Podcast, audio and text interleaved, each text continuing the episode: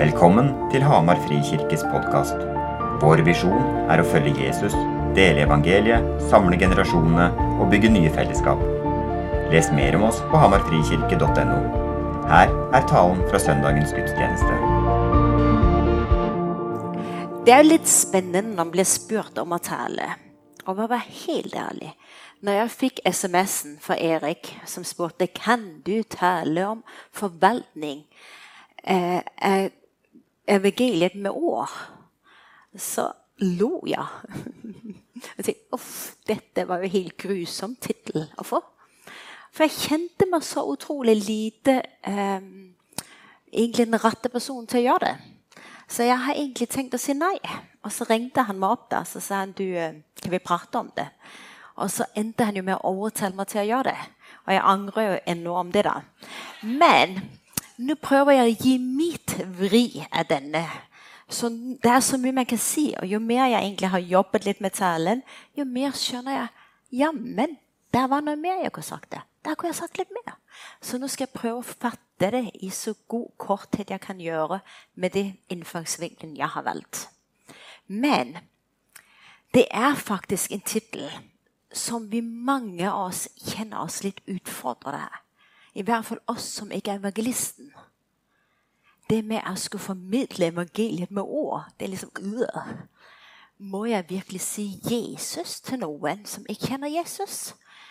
Men egentlig så kan vi faktisk ikke si det er bare evangelisten eller misjonærens ansvar å formidle evangeliet med bare ord. Det er vårt allesammens. Og det må vel egentlig være der vi først begynner å gå litt tilbake og se på hva er motivasjonen vår for å dele det. Og der fant jeg på mange måter noe av det som jeg synes blir Jeg tror I natt så lå jeg og tenkte på Jesus. Hva er egentlig motivasjonen for oss? Og så sier hun, 'Hva vil du ha sagt?' Og så kommer jeg tilbake til det utrolig nydelige skriftstedet som er i Matteus 13, 44-46, hvor det står Himmelens rike er en, lik en skatt som er skjult på en åker. En mann fant den, gjemte den igjen, og i sin glede gikk han bort, så bort og solgte alt han eide, og kjøpte åkeren. Atter er himmelens rike lik en kjøpmann som søkte etter vakre perler. Da han fant en meget verdifull perle, gikk han bort, solgte alt han eide, og kjøpte den. Og egentlig, for meg blir det litt enkelt. Vår motivasjon for å dele evangeliet med år må være for vi har funnet den største og viktigste skatten.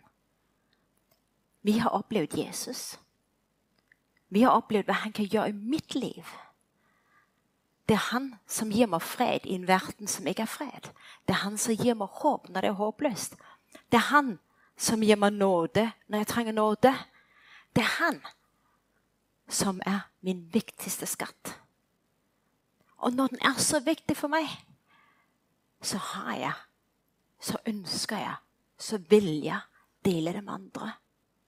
Selv om jeg ikke er evangelisten. Um, og Hvorfor sier det da naturligvis ikke når vi er så begeistret?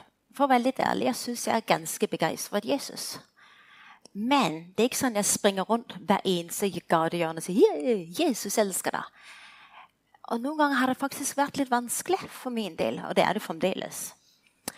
Og eh, det er noen ganger så sitter vi litt fast i noen spor. Og det har jeg gjort for mitt liv. Og nå skal jeg dele en liten personlig vandring med dere. Eh, noen, en del av vandringen er det de første som sikkert hører i Norge. Så da må jeg ikke si det til andre. Men eh, vi har jo vært i, lang, vært i misjon i eh, nesten 30 år. Og vi har bedt for et unødt folkeslag i misjon. For det var noe av det Gud talte til oss om. Men det var bare sånn at vi satt og ba og ba og ba.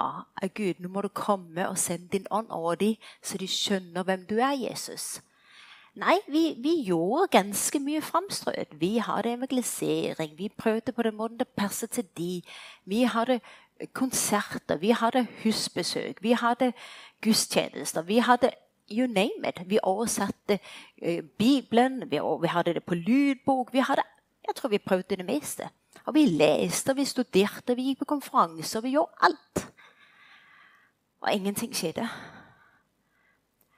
Og eh, etter 20 år og det, det, er en annen tale, som skal jeg ta i dag. Men etter 20 år så begynte den første skikkelig å komme gjennom til tro. Og det hjalp litt på den opplevelsen at du ba et helt unødt folkeslag å forkynne til dem. Det hjalp på den følelsen at nå er de kanskje litt igjennom, og nå kan jeg slappe av. Den hjalp. Men under Men det som var De var ikke blitt frelst i vår by, og de var ikke blitt frelst gjennom vårt arbeid. Ikke gjennom dager mitt sitt liv, men gjennom noen andre sitt liv, som er en del av vårt arbeid. Men midt i det så gleder vi oss over det. Altså, yes, vi har sett gjennombruddet. Alt det vi har tenkt og drømt om, skjer. Men litt under underflaten så lå det for mitt vedkommende en liten verkebyll eller to. Det lå en skygge, en sorg og en opplevelse av mislykkethet. Og den gikk på to plan. Den gikk på at jeg kjente meg fordi jeg ikke har sett det med mitt eget liv, at folk har tatt imot tro. Så opplevde jeg masse mislykket. Rett og slett. Jeg fikk det ikke til. Jeg var ikke på mange måter god nok. Det var noe galt. Jeg hadde ikke de rette metodene. På mange måter, som jeg sier på engelsk, beat yourself up. Virkelig fortelle meg sjøl at dette hadde jeg fått til. Og det andre var at pga. at det var så sterk en verdi at vi ønsket å se folk frelst, så klarte jeg heller ikke å glede meg over alt det som jeg så skjedde i mitt liv og i møte med de folkene som vi omgikk, som ble forandret. Så når jeg så Jeg husker det så tydelig når jeg så en kom inn på døra mi helt ut av det blå, banke på døra nesten, og spurte om hun kunne bli bedt for, eller jeg ba for henne, og hun ble frisk. Så klarte jeg nesten ikke å glede meg over. For det eneste jeg tenkte i bakhodet ja, men jeg burde forkynne evangeliet til henne. Jeg burde jo, og se henne komme til hjem til frelse. Så jeg mistet gleden av selv når jeg så Gud virket. For målet mitt var evangelistens slagord å se folk frelst. Jeg tror noen av dere kjenner det igjen. For dette er ganske normalt. Og jeg kjente på sånn sorg. Men det som jeg gjorde fordi jeg er sånn litt som person, da. Og det, så, så tenkte jeg ja, dette må jeg jo klare å få til. Eller andre får det til. Og men hørte så mye, så jeg gjorde det som mange andre gjør. Det er jeg bare tok og leste enda mer åssen jeg kan gjøre det. Jeg hørte bare på flere lydbøker om folk som har opplevd det, som jeg drømte om. Jeg hørte bare på mer forkynnelse. Jeg husker en, eh, jeg tror det var februar for noen år siden.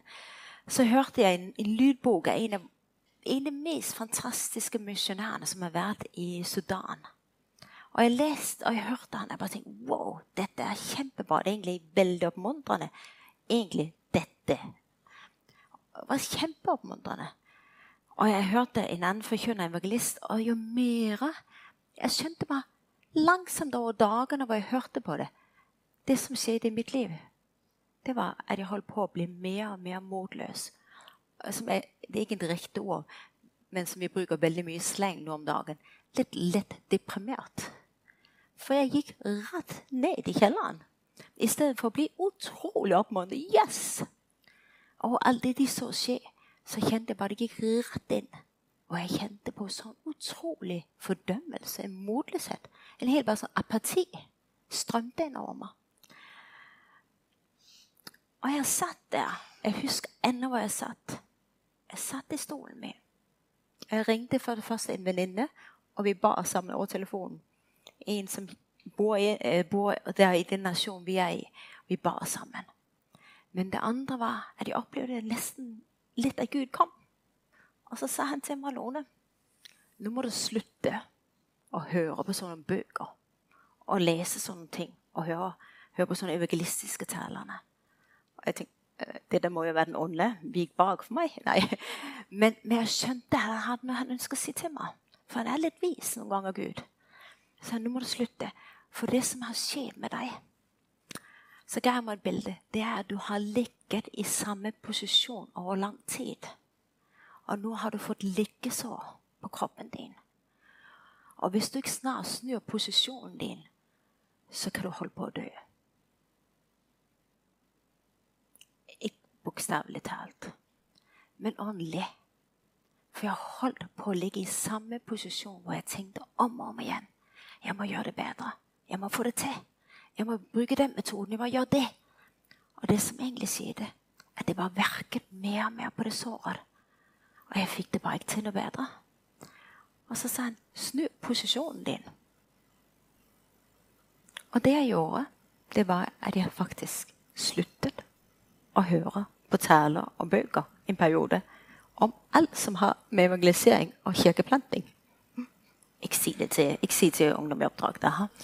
Um, og, eh, og jeg, jeg, ble på mange måter snudd meg rundt. Og jeg la vekk fra meg all fordømmelse. Og da tok jeg et valg og så på alt det jeg på en måte klarte å få til i det med å presentere evangeliet til folk. Og feire det. Og se det på det som en Se på det som verdi. For jeg nesten skapt litt sorg i Guds hjerte. For hver gang det skjedde noe, så sier jeg Gud, det er bra, men det er ikke bra nok. Og det blir jo en utrolig vanskelig dilemma å leve i. Så jeg må si det egentlig har vært utrolig bra etterpå å være alene. Eh, jeg får det ikke til ennå, men jeg lever litt lettere med det. Med det ansvaret om å dele evangeliet videre med ord. Det er ikke sikkert noen av dere kjenner det helt igjen. For min er jo litt mer annerledes. Men jeg tenker noen, noen av de samme tingene kan noen av oss kjenne igjen i. Fordi mange av oss sitter her, og vi er ikke evangelisten. Dessverre. Kanskje, tenker vi. Vi skulle ønske det alle sammen. Men vi er bare ekte. Men vi er alle sammen kalt til å være med og dele evangeliet. Men kanskje noen av vi andre kjenner på at vi har prøvd det. Og vi har gjort det om igjen og om igjen. Ingenting har skjedd. Ingen er blitt frelst. Ingen har møtt Gud. Og da har vi egentlig gitt opp. Vi er blitt litt motløse. Det skjer. Eller kanskje vi da har heller tatt trøst i det med fra Frans Assis sitatet, som er diskuterbart om det var han som sa det, men nå bruker jeg det som hans sitat. Det er forkynn evangeliet om nødvendig bruk ord. Og det er en god trøst for oss som kanskje ikke er de flinkeste til å runde rundt og rope Jesus. Men samtidig med så er det litt naivt av oss å gå rundt og tro at bare vi gir en masse og gjør masse gjerninger, så blir folk frelst. Gud er Gud, men han bruker mennesker til å forkynne. Altså, så vi må på mange måter skjønne at det, det, det kjøper oss ikke fri for det med forkynnelsen. Men det hjelper oss noen ganger nå mennesker som er vanskelige å presentere evangeliet for. I mange nasjoner så kan du ikke komme inn og bare preike. Og det er ikke alle jobbesteder der jeg jobber på eller jeg studerer på. Der kan bare gå inn og preike. Så noen ganger er det viktig å gjøre det med gjerninger. Eller noen av oss har faktisk sammenlignet oss så mye med hverandre at vi blir mismodige og tenker at dette får jeg aldri til. Jeg vet ikke om det har noen gang vært på sånn et, et Det har møtt en, eller vært på et møte, og det er egentlig en utrolig bra, oppmuntrende historie om noen som har delt et budskap om Jesus eller forkynt, og folk har blitt frelst. Og egentlig så sitter vi alle applaus. Yes, dette var sterkt. Men hvor mange av oss sitter ikke i vårt indre og kjenner oss fordømt? For det ville jeg aldri ha klart. Kanskje ikke dere, men jeg har vært der. Det er så lett av når andre har en suksess eller får det til med en gang speiler vi det innover mot oss sjøl og sier 'Dette får jeg ikke til'. Og da gir vi opp. Og eh, jeg tror faktisk det hindrer oss i gang på gang til å være frimodige med å være hvem vi er, og gjøre det vi har med oss. Eller kanskje mange som kanskje de fleste av oss, i hvert fall ja, inkludert, vi ikke syns det er litt vanskelig pga. menneskefrykt. Det, det, det sliter jeg ikke med her på Hedmarken, det vet jeg. Men eh, andre gjør det. i verden. Men det er jo kommet fra innlandet, så det er jo liksom helt clear. Eh, men, men menneskefrykt er jo faktisk den som kanskje holder oss lengst vekk fra det med å dele evangeliet.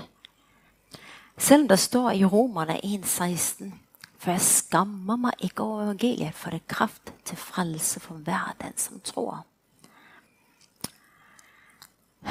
Ja, vi tror jo alle sammen på det er kraften til frelse. Det tror jeg. Jeg håper dere tror det òg. Men jeg skammer meg ikke, nei. Men det er ganske ubekvemt å si noe om det. Så hvis vi har sagt ubekvemt, så tror jeg absolutt vi alle som har kjent oss igjen. For det er liksom sånn litt det der med at det er ganske utfordrende å møte noen om du kjenner dem, eller om du ikke kjenner dem. Og det bringer fram det ordet som mange kanskje har sine meninger om før. Jesus. Så skal jeg gjøre det. Og det er kanskje mange flere. Du har sikkert dine ting, som jeg har mine ting. Men hva gjør vi med det? Vi har en lang liste, men hva gjør vi med det? Jeg tenker det kan være litt så enkelt som det jeg gjorde. Kommer til konklusjonen med Gud. Det får jeg ikke til. Og jeg legger det vekk, og jeg starter på nytt. Kanskje for deres del noen av dere trenger en liten pause for den måten dere har prøvd på før å dele om Jesus, om Jesus til andre. Kanskje noen av dere bare trenger å bli minnet på det igjen i dag. At jeg trenger egentlig ikke å sammenligne meg med andre. Jeg trenger ikke å føle meg fordømt, for jeg får gjøre det akkurat som andre gjør det. Kanskje noen av de andre trenger et liten, snilt spark i rumpa for å si det er egentlig viktig, og du har glemt det litt. Vi er forskjellige, men jeg tror det er viktig at vi tør ta fram temaet i dag om å forvalte evangeliet med ord. Jeg tror det er veldig viktig. Selv om det er veldig ubehagelig noen ganger for oss, så er det utrolig viktig å prate om det. Så jeg håper i dag at vi kan ha en liten ny start. Jeg har tenkt på min, for min del utrolig utfordrende å skulle tale i dag. Så jeg føler egentlig jeg taler mer til meg sjøl enn til dere. Men det har vært viktig. Men la oss få en ny start. Men viktigheten er at når vi har en ny start, at vi ikke gjør det fordi vi må gjøre det. Vi kan ikke gå derhen hvor vi, vi skal ønske å være med og formidle evangeliet fordi vi må gjøre det. Om du kommer der, så holder det ikke lang tid. Så blir det loven. Så blir det om og om igjen den pisken som jeg hadde. Jeg må høre, jeg må lese, jeg må gjøre alt. Nei. Det må komme herfra. Må jeg få lyst til det. Men noen ganger så skjer lysten ikke bare ved den kommer som en følelse som bare sier Oi, nå så jeg noe. Nå har jeg lyst til å dele med dem. Men noen ganger så kommer det med et valg jeg gjør. Fordi jeg vet det er bra for meg. Det er liksom å trimme. De fleste av dere som løper, som ikke løper veldig regelmessig hver dag, men som i hvert fall ønsker å løpe litt ofte, det er ikke liksom sånn at jeg tenker Wow, nå skal jeg ut og løpe. Det er kjempesuperbra. Jeg elsker det. Men mange av oss vet i hodet at det er bra for meg å løpe. Mange vet at det er lurt å løpe. Og dermed så tar vi klærne på og begynner å løpe. Det er det jeg gjør. Men, og da gjør det noe godt med meg. Blir, jeg blir en nytt person. Jeg blir frisk. Jeg blir liksom, wow, Alt blir mye lettere. Og Litt det samme tenkte jeg egentlig på i dag. Det er egentlig litt sånn at det skal komme derfra hvor vi på mange måter Det kommer derfra vi, vi må gjøre det, men vi gjør det fordi vi vet det er godt for oss. Det med å dele og forvalte Guds ord og forvalte evangeliet til andre, det er fordi vi ønsker å gjøre det. Fordi det er godt for meg. Og jeg må innrømme det når jeg har delt eller bare formidlet Guds ord på en eller annen måte, og jeg har møtt mennesker, og jeg har sett at det har betydd noe, der får jeg sånn liten eh, kick. Jeg blir litt høy, for å si det sånn. Jeg vet ikke om dere bruker de ordene her oppe i Frihega. Men jeg blir litt høy sånn. For jeg blir litt begeistret. Ikke på grunn av meg sjøl, men jeg blir litt begeistret av Jesus. For jeg ser det funker. det funker, det jeg tror på. Det er ikke bare meg som lurer meg sjøl, men det er jammen virkelig bra. Det er kraftfullt. Um, så det er veldig viktig for oss å gi Guds ord, evangeliet, videre. Og Da tenkte jeg på, da må vi bruke litt sånn Jesus-metoden. Jeg er ikke sånn type som har en masse strategi. alltid. Vi bruker Jesus-metoden. Vet du hva han gjorde i Bibelen? Han la, la, ikke opp en helt spesifikk måte vi skulle gjøre det på. Hvis han har gjort det, så har det vært utrolig lett for oss. Men hvis han leser evangeliet vet ikke om det blir nesten litt lei, for det er jo 118 måter å be for syke. En øyeblikk så spytter du på det, en øyeblikk tar du møter på, noen ganger så sier du bare 'bli helt', støpta. Han gjør alt mulig rart. Og jeg lurer på om jeg gjorde det for oss, for vi ikke skulle bli liksom sånn inni en boks. Sånn gjør det det. Men det han gjorde, som vi kan ta med oss Han valgte å se folkemengden, og han valgte å se den ene personen. Han møtte den ene personen. Han så den ene personen. Han så hva trenger den personen i dag. For noen trengte de faktisk helbredelse uten de visste det. Noen trengte å bli fri for synden før de ble helbredet. Og noen trengte bare å bli møtt og bli elsket og bli sett. Lær oss bruke Jesus-metoden. La oss møte mennesker sånn som Jesus ville ha gjort. Og da blir det, så jeg satt opp litt sånn typisk. Jeg er praktikeren. Jeg må gi deg noe å jobbe med. da. Um, så jeg satt opp og gå litt igjen på hva, hva kan vi gjøre. Én ting jeg oppmuntrer deg til, det er rett og slett når vi går rundt, hvor vi enn er. Vi tenker på Jesus, la meg få lov til å se de menneskene jeg møter, sånn som du ser dem. Åpne øynene mine så jeg er så travel. La pulsen være lav, så jeg ser folk. Så jeg klarer å stoppe opp for den ene som trenger å se deg. Og så begynner jeg å be. Begynner å be at Gud skal lede deg til mennesker som trenger å møte ham. Jeg har litt tro på det. Det er litt lurt å be. Be.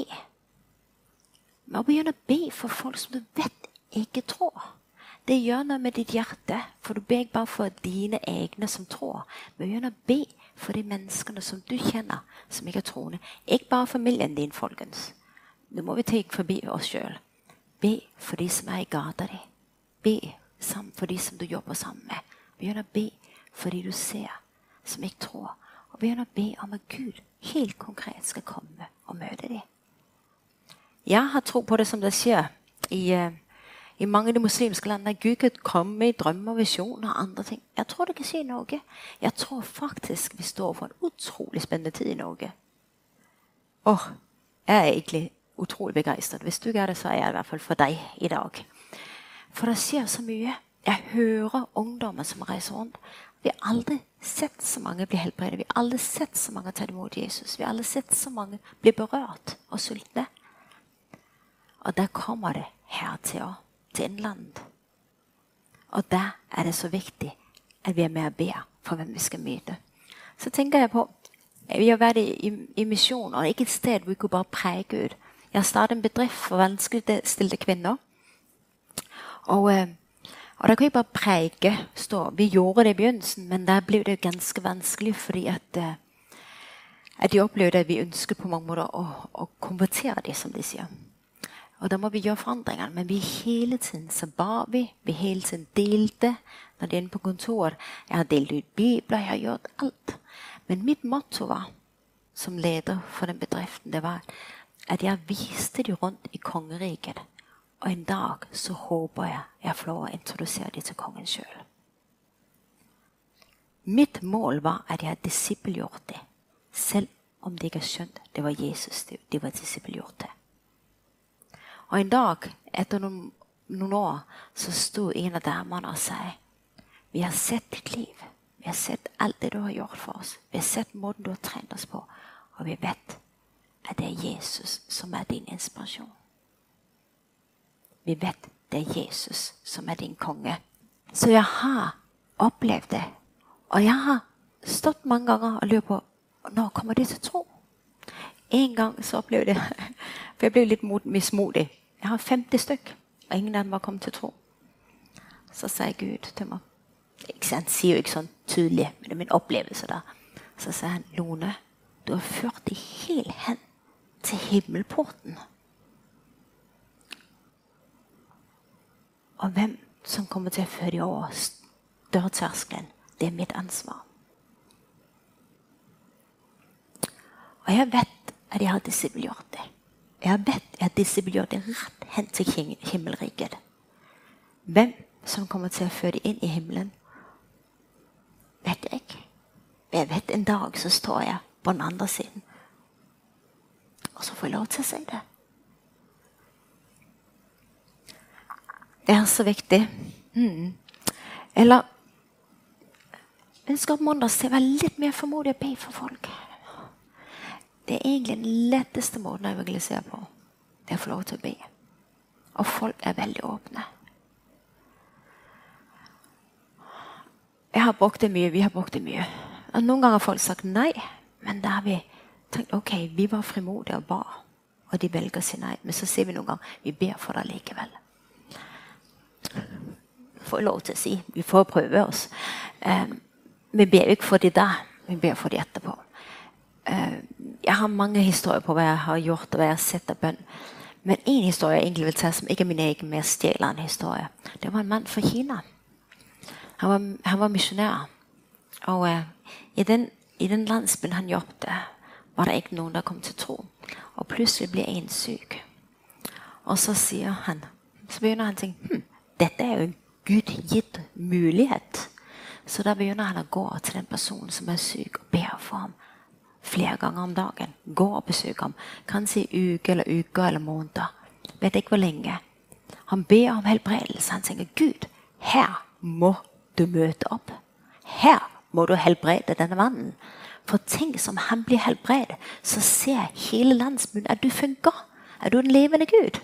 Det er jo sånn vi tenker de fleste. er det ikke det? Og det som skjer, til hans forferdelse og sorg, så dør mannen. Mann dør uten å bli helbredet. Og denne misjonæren går rett i kjelleren. Han sier, 'Gud, her hadde du muligheten for å møte denne landsbyen med evangeliet. Med din kraft å vise hvem du var. Og så misset du på muligheten. Idet han står, så banker det på døra. Og så kommer landsbyen, flere fra landsbyen. Så kommer de og sier, 'Kan du fortelle om den Jesus som du tror på?' For vi har sett hvordan du har kommet og elsket denne mannen uke etter uke. Han må være verdt å tro på. Noen ganger så tror vi det er miraklet i seg sjøl som bringer folk til tro. Men det er kanskje vår troverdighet til det å holde ut som fører folk til tro.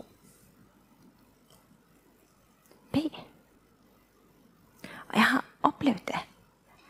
Jeg har sier jeg det kan jeg ta en til. Jeg møtte en mann på, på flyet noen år siden. På vei til Norge. Og så sitter jeg der, og så kjenner jeg bare på at jeg har så lyst til å dele med Jesus som Jesus må han der. Og så sitter jeg, og så sier opplever Jesus sier til, han, til meg Ikke si til han hvem jeg er. Si mitt navn. Og jeg bare tenkte Hæ?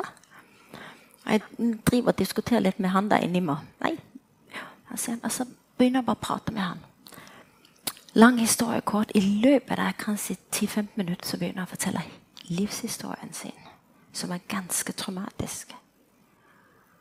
Og så ender det egentlig med at jeg skjønte etterpå Han sier han fortalte meg om det har vært noen kristne, og han ikke tror på Jesus. og det bare ble helt sånn, Blah! Så jeg, Oi, dette var jo grunnen til jeg ikke skulle si. Men vi fikk numrene til hverandre, telefonnumrene. Og vi holdt på å holde kontakten igjen. Og så sier jeg til han etter en stund så sier han, du, du skal vite Anne Rangvald, at jeg ber for deg. For du har blitt lagt på mitt hjerte, og jeg ber faktisk til Jesus for deg. Og så sa han, du, du må være det vakreste mennesket som er skapt. For ingen andre har noen gang bedt for meg før.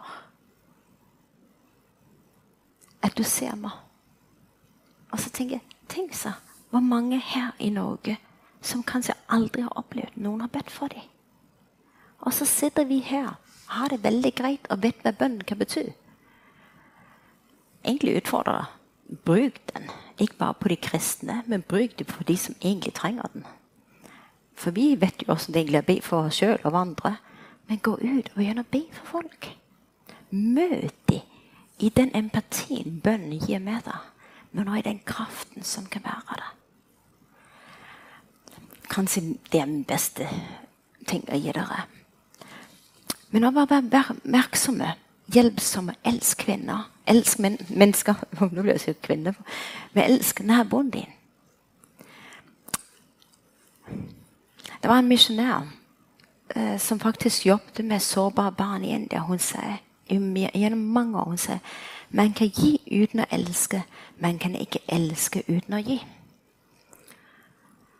Gi av deg sjøl til mennesker. Gi. Det er en verden Vi tror at Norge har det bra. Jeg har aldri møtt så mye ensomme folk som her. Vi trenger å gi dem. Vi trenger å elske dem. Inviter folk hjem til dem. Uff, det er kjempeubehagelig. Vil du komme og besøke meg? Jeg har det prøvd. Det er liksom litt mitt spørsmål. Vi er veldig kjappe til å vite hva andre folk tenker. Gjør det.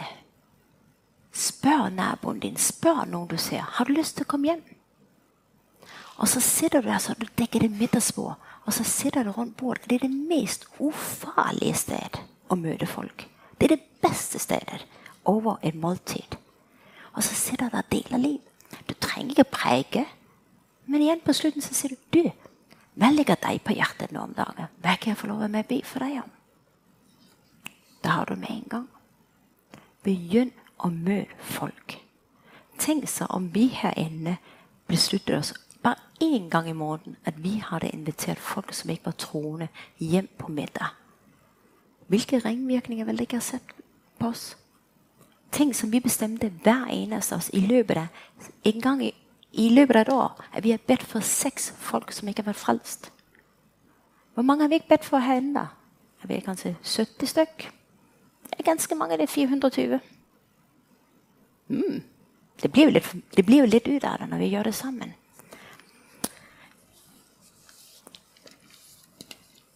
Ja, listen kan være lang. Jeg skal ikke gjøre så veldig mye mer, for jeg har så mye bra ting her.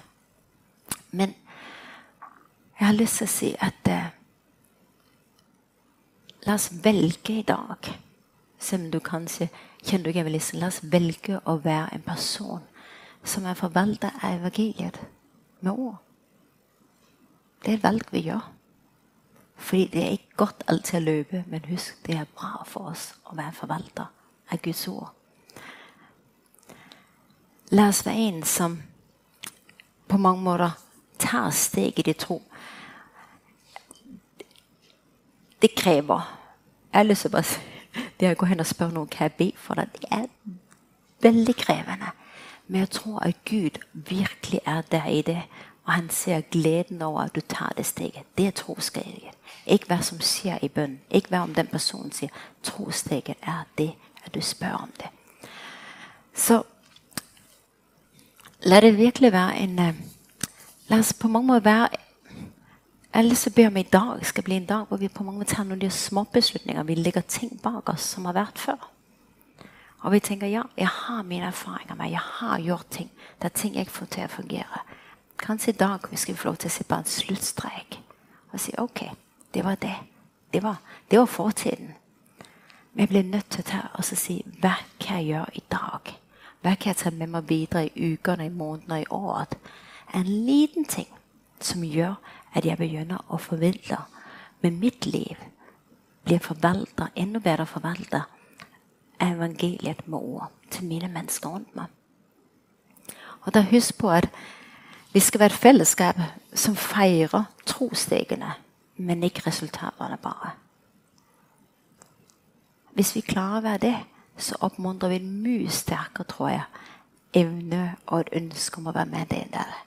Eller vi kan være et, virkelig en, eh, et fellesskap som er motivert å dele med hjertet, ikke fordi vi må gjøre det. Så min utfordring i dag er at når vi er At vi skal ikke bare høre om å være forvalter, men vi skal være forvalter fordi vi ønsker å gjøre det. Og vi skal få lov til å være med og ta steg ut. Vi ikke bare på mange måter si nei. Nå har jeg gjort det mange ganger nok. Nei. På, på mange måter be Gud om igjen å skape litt liv i glørne våre. Så vi igjen får mot på å gjøre de enkle små tingene som kan kanskje være de tingene som snur det rundt. Ja. Så kan vi ikke ta en Jeg vet ikke hvilken del det på mange måter kanskje ramte noen av dere i dag i talen. Men kan vi bare ta en liten stund, eh, bare med litt stillhet, og så spør du Gud Er det ting hvor jeg har kjørt meg fast i et spor, hvor jeg har fått et liggesår, ja, som jeg trenger på mange måter å ta et oppgjør med? Eller er det et sted hvor jeg bare har latt motløsheten eller frykten, menneskefrykten stoppe meg konstant? Og vi kan legge det litt bak oss. Og så kan jeg tenke på hva kan jeg gjøre med mitt enkle liv i min hverdag som kan være en måte å formidle evangeliet med ord inn til de menneskene jeg møter. Så vil jeg bare ta en par minutter bare få lov til å tenke og reflektere litt. Kan jeg bare be en bønn på slutten her? For jeg har lyst til å bare be om at, uh, at jeg skal bare bli når vi hører det som går inn av det ene øret og ut av det andre. Men jeg ber om at du skal gripe hjertene våre som en motivasjon for vi ønsker å dele det dyrebareste vi har fått. Skatten vår, du Jesus. Vi ønsker så desperat å dele den med andre. La de få lov til å oppleve hvem du er. Far, jeg bare ber om at hvis det er ting som hindrer oss i dag til å gjøre det, at vi skal få lov til å legge det bak oss. Legge det fra oss. Gi det fra oss. Men for oss, hvis det er måter vi føler vi er blitt stuck på, hvor vi ikke kommer videre, så ber jeg om at du skal dele med oss tanker om hvordan vi kan gjøre det. Ber om at du skal La oss få lov til å få sånne små nøkler. som når vi går ut i dag, så har vi en liten nøkkel med oss som vi kan ta med oss videre og bruke i hverdagen vår. Som vi føler at det er meg. Det er hva jeg kan få lov til å være med og bringe videre. Så tal til oss. Og la oss være en, en plass, en menighet, som feier trostegene. Som feier at vi ønsker å virkelig bety noe for nabolaget vårt, vennene våre, byen vår, landet vårt, nasjonene våre. Så bare tal til oss, Jesus.